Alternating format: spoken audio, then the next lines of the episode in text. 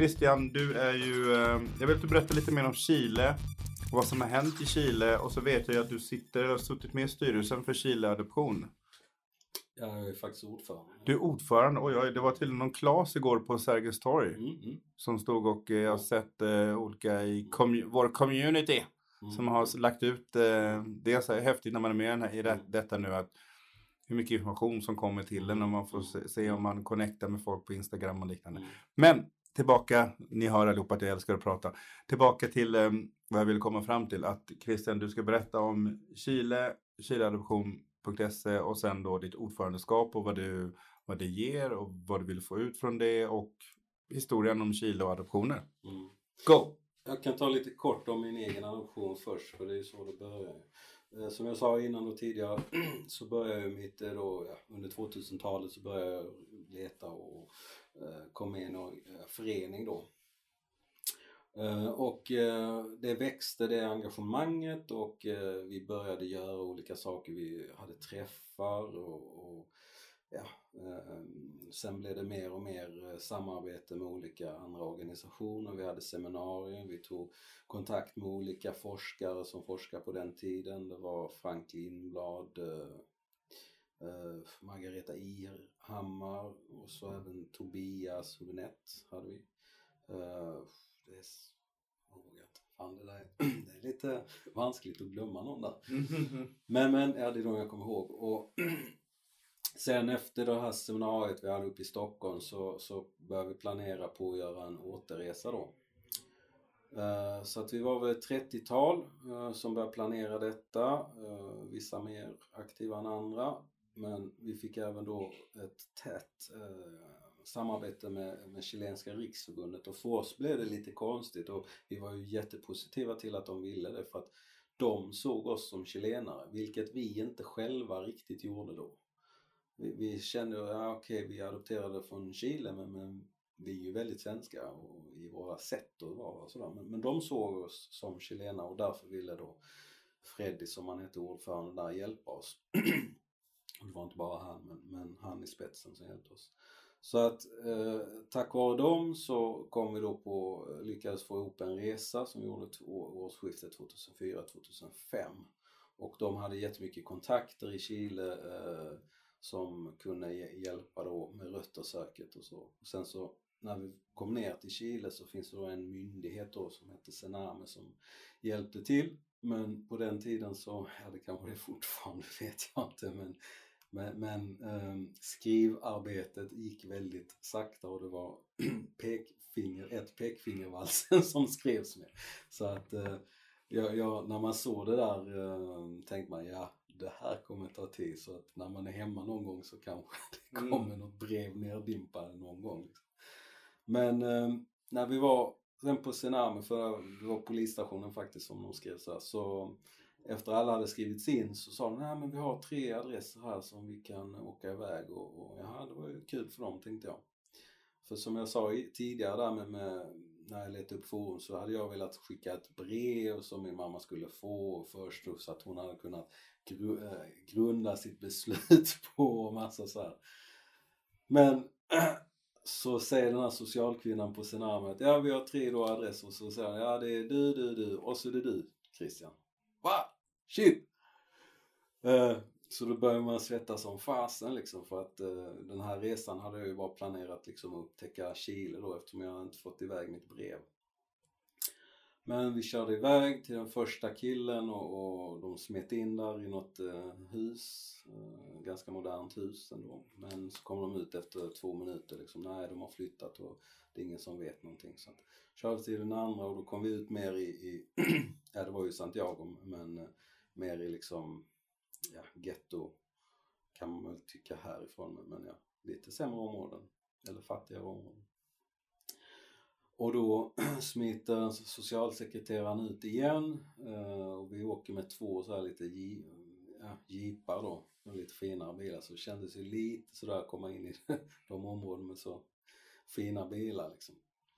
Eh, men hon smiter in där och knackar på någon liten dörr och sen efter eh, någon minut så kommer hon ut med en liten kvinna. Då är det en, ja, den eh, andra personen så hennes mamma. Så hon har stått där och diskat liksom. Så och det kändes ju sådär men det var väldigt fint att få höra hela historien. Först var vi utanför men sen kom så mycket folk så gick vi in i bilarna. Och så fortsatte hon att berätta. och sen efter det så åkte vi iväg för att leta upp mitt då. Eh, men där stannade vi på ett tiotal ställen för de fick lite, ja, folk sa lite där och lite där. Och varje gång, jag kommer ihåg jag filmade då också, och varje gång vi stannade så var det liksom bara hjärtat bara tum, tum, tum, tum. Vad fan ska man göra nu liksom? Hur, hur ska ja, det här kontrollbehovet igen liksom. Hur ska man, ska man hjälpa till här? Vad ska jag göra? Vad kan jag göra? Hela tiden liksom bara snurra så jäkla fort i skallen. Men vi hittade ingenting då. Eh, och sen tyvärr så blev det samma sak dagen efter fast då var vi i en stad som heter Valparaiso där då chilenska riksförbundet hade hittat vissa mm, trådar. Eh, så att det var rätt krävande två dagar där. Sen så reste vi vidare och lite söder. Chile är så jäkla långt så att vi åkte en hel natt med en buss men, men då ser man på kartan så var det inte långt vi hade kommit. Men, men, men det var rätt bra för mig liksom att komma lite ifrån att det blev annat och sådär. Och sen, ehm, ja sen så kom vi tillbaks till Sverige igen och det, det var en tuff tid för att då kände jag ändå att liksom att Chile var mitt land och det var väldigt skönt att smälta in i landet på det viset. Även om man inte hade språket så kände jag ändå att jag såg ut som alla andra och sådär.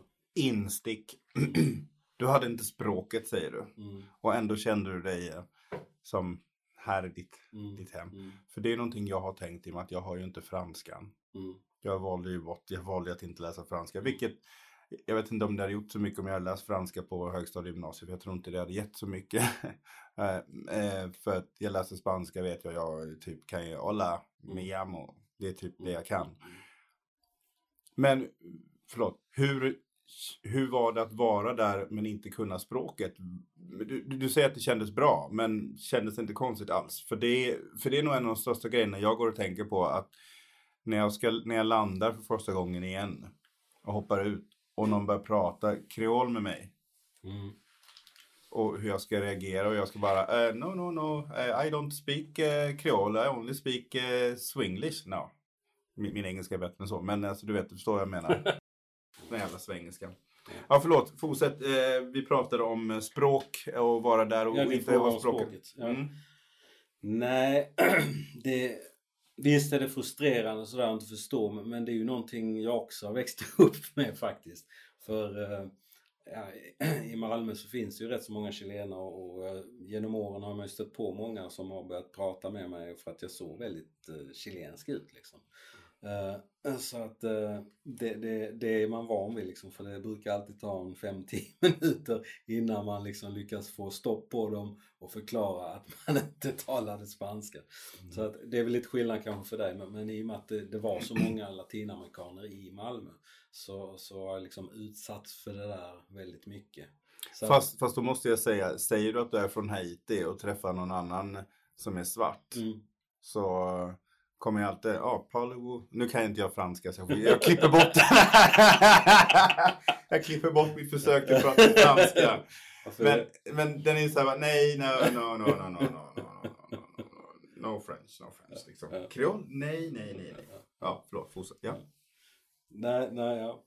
Men så att, eh, nej men det händer ju ganska ofta liksom så att eh, i och med det så var jag ändå luttrad liksom där och, jag vet eh, för jag och en, eh, det var så på resan så där vi hade hittat då om det var mindre städer så, som inte var liksom vår buss gick dit så åkte vi några iväg då som en satellit liksom till den här och fick hjälp av de kontakter då som vi hade. Eh, chilenska hade hjälpt oss då på, på orten eller byn eller så. Men då vet jag att då ska vi bo på ett hotellrum då. Och hon talar lite spanska, jag talar ingenting liksom. Men ändå så fortsätter den här receptionisten där tala genom mig. Fast det är också en annan kultur och sådär liksom. Ja. Mm. Men, men, men för mig blev det så jäkla sjukt för att under det här kanske jag en tio, jag vet inte, det kändes som en kvart minst liksom. Men då talar liksom, tittar receptionisten, pratar med mig och sen så jag liksom bara pekade på min kompis och hon pratade till receptionisten så gick det så här triangel hela tiden. Det var så att, nej men så att, men det här med språket är jag liksom van vid. Okej, jag, jag, jag kan inte det. Men ändå när jag var där så kände jag det ändå liksom att man här, det här, det här landet liksom jag kommer ifrån, det, det, det kändes faktiskt. Och den känslan, eh, nu talar jag för mig själv, Mm. eh, och, men jag tror att många som lyssnar som är adopterade nog, antingen de som har varit tillbaka eller de som funderar på det, det är den känslan man är ute efter. Absolut. Delvis, Ja, att, att få känna att jag passar in. Ja, ja. Men jag tror också den känslan eh, var också jobbig för mig faktiskt sen. Eh, för att det gjorde också att, att därför att de rötterna som man ändå har liksom i det svenska samhället och liksom borrat ner sig så gott man har kunnat. De revs upp lite i känslan i mig. För att just att man kände att man passar här hade jag ändå velat växa upp kände jag då. Eh, och, det var jävligt jobbigt faktiskt. Det, det, det var riktigt jävla frustrerande faktiskt. Och när du kom hem till Sverige, uttryckte du detta för någon som inte är adopterad då? Vad fick du för gensvar? Fick du det här, men du ska vara tacksam här? Eller, eller vad fick du för svar då? Ja, alltså jag var, jag var ganska introvert med de känslorna. Så att jag pratade, det var bara med min familj som jag pratade och det de förstod och då speciellt min mamma liksom att, eh, att jag behövde professionell hjälp. Så att jag, jag gick ju i terapi därefter eh, och kom hem faktiskt sen. Och det behövde jag verkligen liksom. Den första delen där var väl ganska bra. Eh, sen så blev det mer som ett ja, samtal med någon bekant. och problematiken där är att många psykologer tyvärr inte har den erfarenheten med adopterade och den problematiken som vi har faktiskt. Och, och, och det är lite märkligt eftersom adoptioner har ändå pågått sedan 50-talet och då kom korean och började man adoptera från Korea. Så alltså, det är ju liksom inget nytt med adoptioner egentligen till Sverige. 70-talet blev ju den stora boomen liksom. Men fortfarande så är det väldigt få som eh, har den kunskapen bland psykologer. Och vad behövs, vad behövs göras då förutom att fler psykologer ska få, få koll på det? Alltså, vad behöver vi göra? Vad behöver göras, tycker du? Ja, framförallt så behövs det ju eh, eh ehm, det behöver ju alltså, det är ju en grupp som man ändå, det krävs ändå mer specialistutbildning, en vidareutbildning liksom. Det finns ju en del adopterade som eh, faktiskt är psykologer jag, jag, jag tror att de förstår problematiken lite bättre. Men jag har inte erfarenhet av dem själv personligen så jag kan inte riktigt men jag kan ju bara tänka mig att de, de har en förståelse för det. Och, och som sagt eh, redan då, redan 2003 så gjordes ju en, som jag talade tidigare med, en SOU-rapport. Och där kom ju fram då eh, des, eh, att vi var ju, hade ju mycket större representation av eh, destruktivt beteende speciellt. Vad är en SOU-rapport? Det är som staten gör en utredning. Så att ja. En utredning på en grupp i samhället eller? Ja, det kan vara allt möjligt som de gör. De, de gjorde en SOU-rapport då. ehm, jag tror den hette Barn till varje pris eller någonting sånt. Eh, och den finns ju, jag tror man kan om de flesta bibliotek kan man nog få tag på den, annars kan man också eh, via riksdagen eller något sånt också söka upp eh, SOU-rapporter. Ja, jag kan tänka mig att vill man läsa den så kan man nog googla. Google is your mother. Så Den ligger säkert upplagd någonstans. Någon som har eh, lagt upp den på någon server någonstans eh, i världen. Nu är den ju lite gammal nu, 2003 som sagt, så det är ganska många år sedan. Men, men det jag menar med det är att redan 2003, nu har vi 2019, snart 20, så har det här kommit fram och fortfarande så finns det så liten hjälp som adopterade kan få då. Och varför får vi ingen hjälp? Vad är anledningen tror du? Ja, det, det är en jäkligt bra fråga liksom. Är det för att man inte bryr sig eller man vill inte bry sig? Ignorans? Vad, vad är problemet? Enligt dig Christian. Enligt mig, ja. Alltså jag, jag, jag kan inte svara exakt på den. Jag vet ju nu, jag har varit på möte med MFOF och jag vet ju vad de planerar då. Vad är MFOF? Det är myndig... Svåra frågor. nej, nej, men jag bara tänker för när man sitter och lyssnar Ja, så blir det SOU, MF, OF och Ja. allt vad det nu är. Så är det så här, visst folk kan sitta och googla men det blir väldigt mycket att sitta Ja, det är Myndigheten för uh, familjeomsorg eller någonting sånt. det. Och det, det är högsta eh, myndigheten idag då som tar hand om bland annat adoptioner då. Ehm, men, men det som blir lite så här är att de är egentligen ganska tandlösa när det gäller oss adopterade och vad de kan göra. Men, men de har då eh, frågat regeringen om att få ett större ansvarsområde i det här vet jag. Eh, tyvärr så har detta gjorts, ja, det har ställts en del frågor från dem tidigare upp till regeringen men de har inte fått så mycket gensvar på det där tyvärr. Så att var, var ansvaret egentligen ligger där, det, är svårt att säga. Eh, om det är folk som motarbetar eller inte, det, det, är liksom, det kan jag inte säga. Men, men det enda jag kan säga är liksom att man har haft kunskapen om det väldigt länge och det har hänt så fruktansvärt lite. Och, och, och, och faktum är ju ändå liksom att jag tror talen då var 2,65 eller någonting sånt procent som hade ett destruktivt beteende och det är ganska högt.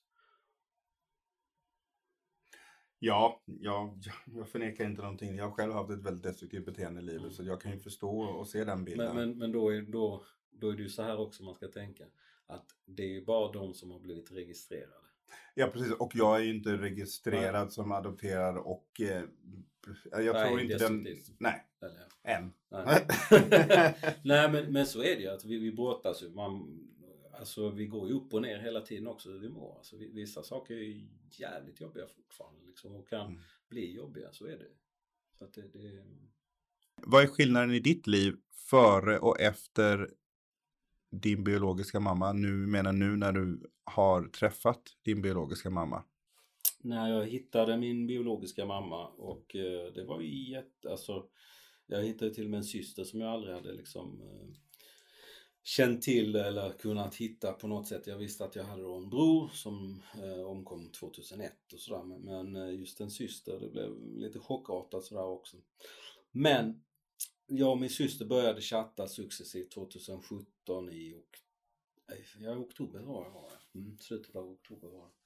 Och eh, så successivt fick jag veta lite mer och mer sådär och, och sen så eh, gjorde hon en liten film eh, Eh, där min mamma, där, ja, där hon spelade in min mamma. Och i slutet där, hon berättar lite om sig själv väldigt kort och sådär liksom. Men i slutet så säger hon någonting sånt, eh,